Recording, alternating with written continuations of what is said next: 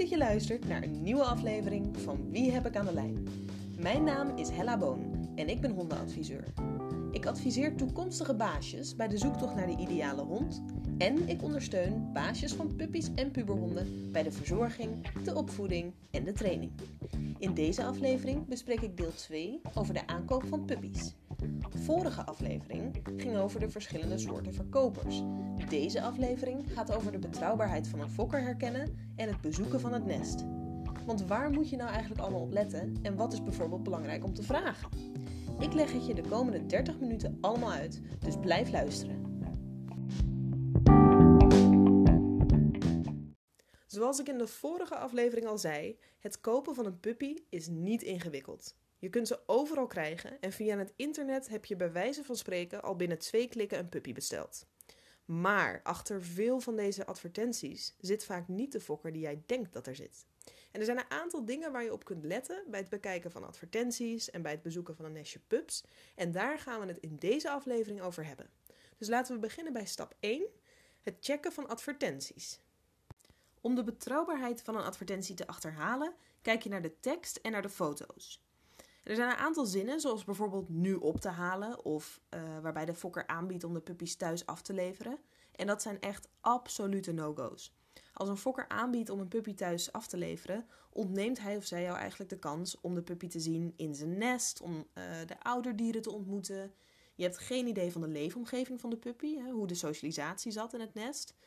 En uh, daarnaast is het ook een beetje vreemd dat de fokker jou niet wil leren kennen. Want een goede fokker wil zeker weten dat jouw beeld en jouw verwachting van de hond overeenkomt met het soort hond dat hij of zij fokt. Dus een fokker die aanbiedt om de puppy zomaar vanmiddag nog even langs te komen brengen, is zeer onbetrouwbaar en uh, moet je mijden. Qua foto's kan je het beste kijken naar de achtergrond. Kan je aan de hand van de foto's een beetje zien in wat voor soort leefomgeving de pup is opgegroeid. En vooral heel belangrijk, komt die achtergrond overeen met de andere foto's van de advertentie. Want soms gebruiken fokkers foto's van verschillende nesten door elkaar. Dus lijken de hondjes die je ziet, lijken die een beetje op elkaar. Uh, staat er een foto van bijvoorbeeld de puppy ook met zijn moeder, hè, met de rest van zijn broertjes en zusjes. Staat er een foto bij dat ze nou, bijvoorbeeld eten krijgen of dat ze aan het spelen zijn. Of is het echt alleen maar één foto van één specifieke pup? Want dat is dan een beetje onbetrouwbaar, omdat ze verder niets laten zien over nou, hoe de puppy leeft en hoe die is opgegroeid. Dus kijk goed naar de achtergrond en kijk wat voor informatie je daaruit kan halen. Dan heb je verder nog advertenties met speciale prijsaanbiedingen, zoals bijvoorbeeld laatste kanspuppies. Ook zeer onbetrouwbaar. Hè? Een goede fokker die behandelt zijn dieren niet als product om mee te prijsstunten. Let ook op woorden zoals bijvoorbeeld de mini-versies van bepaalde rassen of de zogeheten teacup puppies. Dat zijn hondjes die gewoon veel te klein gefokt worden. En die hebben daardoor gegarandeerd gezondheidsproblemen. En ze worden alleen maar gefokt omdat ze super populair zijn, want ze zien er zo schattig uit. En daarom leveren ze heel veel geld op. Dus dat soort advertenties gewoon mijden en niet doen dus. Oké, dan gaan we door naar stap 2. Stel je hebt een advertentie gevonden en het ziet er best wel betrouwbaar uit. En je denkt, nou, hè, ik ga een keertje op de website van de fokker kijken. Waar kan je dan op letten? Nou, de betrouwbaarheid van een fokker kan niet gegarandeerd worden door termen zoals bijvoorbeeld erkende fokker of jarenlange ervaring. Dat is iets wat mensen natuurlijk vaak op een website zetten. Nou, het ding is, dat kan niet gegarandeerd worden, want er bestaan namelijk helemaal geen landelijke of wettelijke erkenningen voor fokkers in Nederland. En hetzelfde geldt eigenlijk ook een beetje voor de term gecertificeerde fokkers. En nou hoor ik je denken, huh, maar Hella, in de vorige aflevering zei je toch alleen maar positieve dingen over gecertificeerde fokkers? Nou, dat klopt. Maar het ding met gecertificeerde fokkers is dat je goed moet kijken welk certificaat het betreft. In Nederland moet elke fokker een vakbekwaamheidsdiploma hebben. En dit geldt voor de grote fokkers, maar niet voor de hobbyfokkers. En deze grote fokkers, dat zijn de fokkers waar ik het vorige keer over had. En een certificaat dat bijvoorbeeld door een uh, rasvereniging of door een, um, een zogeheten fokkersorganisatie is uitgedeeld, die zijn niet landelijk of door de overheid erkend. En daarvan zou je dus heel goed moeten kijken welke eisen er van dat certificaat aan de fokkers gesteld worden. Dus eigenlijk is het enige certificaat waar je iets van erkenning aan af kan halen, is het vakbekwaamheidsdiploma. Het is ook goed om te weten dat elke beroepsmatige fokker in Nederland een UBN-nummer moet hebben. En dit betekent dat het adres van de fokker geregistreerd is Maar het zegt verder niets over het welzijn van de dieren. Dus het betekent alleen dat de fokker en zijn adres waarop hij dus de dieren fokt, geregistreerd en bekend is.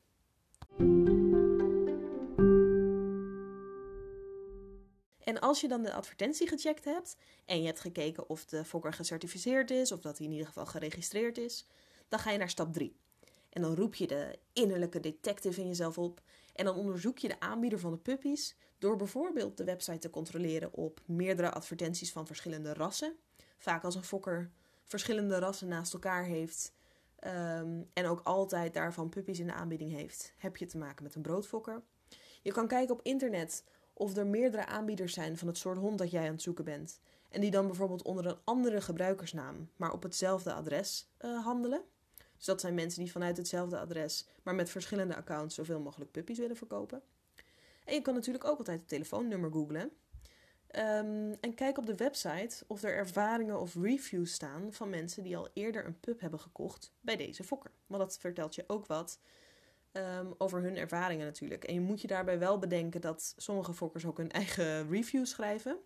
Maar het is toch belangrijk om even te checken of ze er überhaupt staan. En stel je hebt een fokker gevonden en je gaat langs bij het nest om te kijken, bereid je dan goed voor. Schrijf voor jezelf van tevoren de vragen op die je hebt en stel een checklist op. Nou, en ik raad je aan om uh, in die check, checklist in ieder geval de volgende dingen op te schrijven. Check hoeveel nesten er aanwezig zijn. Is de moederhond aanwezig en hoe gedraagt zij zich? Ligt het nest in huis en is de omgeving schoon waar ze liggen? Zijn de puppies gechipt? Heel belangrijk, klopt de nationaliteit van de pup? Nederlandse paspoortnummers beginnen met 528-NL. Dus dan kan je dat meteen checken. Zijn de ouderdieren getest op erfelijke afwijkingen? En krijg je ook bijvoorbeeld officiële papieren te zien en niet alleen een ja of een nee als antwoord? Kun je de fokkers alles vragen? Maar misschien nog wel veel belangrijker, stelt de fokker ook vragen aan jou. Want zoals ik net al zei, een goede fokker wil weten waar zijn honden terechtkomen en wil weten waarom jij geïnteresseerd bent in die puppies. Dus het is heel fijn als jij van alles aan de fokker kan vragen. Maar het is ook belangrijk om te weten of de fokker ook een beetje in jou geïnteresseerd is en in jouw intenties met de hond. En dan als laatste, is het koopcontract duidelijk en krijg je de mogelijkheid om vaker te komen kijken? Want een fokker die jou uh, vertelt van nou, je mag één keer komen kijken en dan is het, uh, het is kopen of kijken, zeg maar. Uh, of dat ze bijvoorbeeld gaan aandringen, dat ze zeggen van ja, ja, het is wel goed dat je er nu bent, maar ik weet niet of ze er over een week nog zijn, dus je moet wel nu beslissen.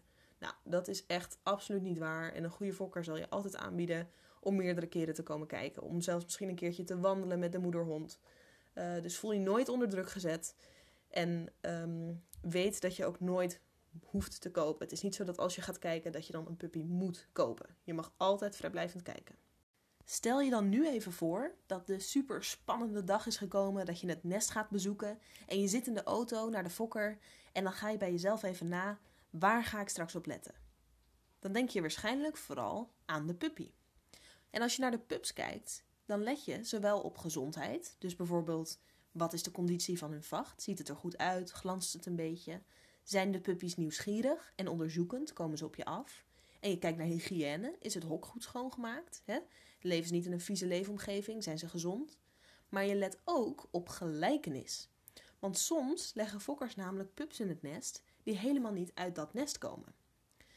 Kijk dus goed of de puppies die je ziet op elkaar lijken en of alle puppies bij de moederhond mogen drinken. Als je nou één pup ziet die niet wordt geaccepteerd of die de hele tijd een beetje aan de rand zit, uh, die niet drinkt, die eigenlijk ook geen interactie heeft met de andere hondjes, dan kan het zijn dat die pup helemaal niet uit dat nest komt.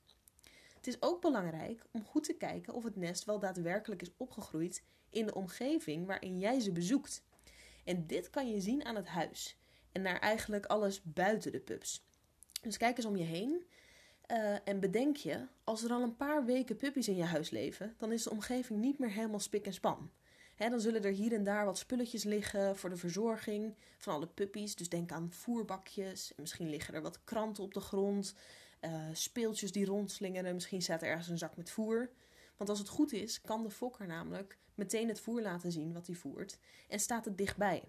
En stel je vraagt aan de fokker van, uh, nou, mag ik weten wat je ze voert en ja, hoe is de overgang van melk naar vast voer gegaan? En de fokker moet dan het voer van verder halen. Of die zegt van nou, dat staat niet hier, dat staat in de schuur. Nou, dan is het waarschijnlijk dat de pups daar ergens in de buurt zijn uh, opgegroeid en daar hebben gelegen. Tot het moment dat jij langskwam. Want het is voor een fokker namelijk helemaal niet handig om dat voer steeds ver weg te hebben staan. Dat staat vaak heel dichtbij. Uh, dus bedenk je, kijk niet alleen naar de puppies, maar ook naar het stukje omgeving daaromheen. Hoe ziet het huis eruit? Is het überhaupt een huis dat bewoond wordt? Of is het gewoon een, een achteraf gedeelte van het huis? Nou, en dan hebben we nog als laatste onderwerp van deze aflevering de betaling. Een fokker mag een aanbetaling vragen, maar alleen als de fokker daarvoor een rekening kan meegeven of kan toesturen. Dus een losse aanbetaling zonder bewijs hoef je niet te doen en is eigenlijk ook een beetje vreemd. Laat je nooit opjagen om een pup uh, te kopen die verkocht zal worden als jij hem nu niet meeneemt, of die verkocht zal worden als je geen aanbetaling doet, of als je deze per direct door middel van volledige betaling kan reserveren. Leg betalingen of eigenlijk afspraken rond betalingen vast in het contract.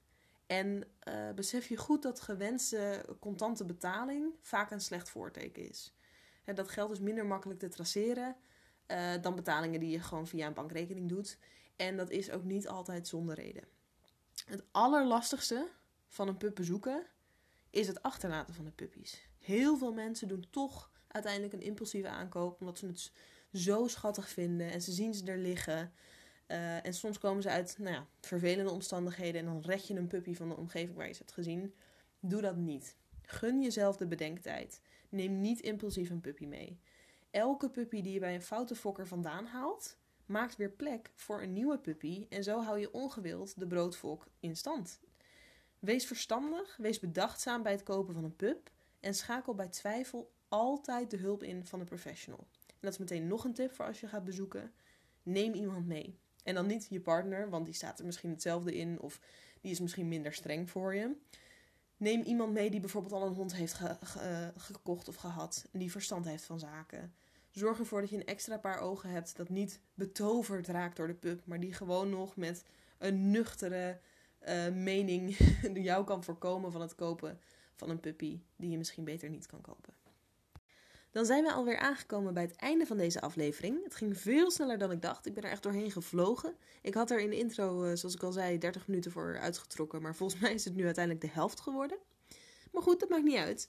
Uh, mocht je nou nog vragen hebben of mochten er dingen nog incompleet zijn, dan mag je altijd een mailtje sturen naar hella.hellashondenadvies.nl of je kan me een berichtje sturen via Instagram, hellashondenadvies. Uh, daarover gesproken, mocht je deze podcast nou luisteren en leuk vinden, uh, deel hem vooral in je story. Vergeet me niet te taggen, want anders dan zie ik het niet. Um, en dan wil ik verder iedereen nog een hele fijne dag wensen. En um, tot de volgende keer.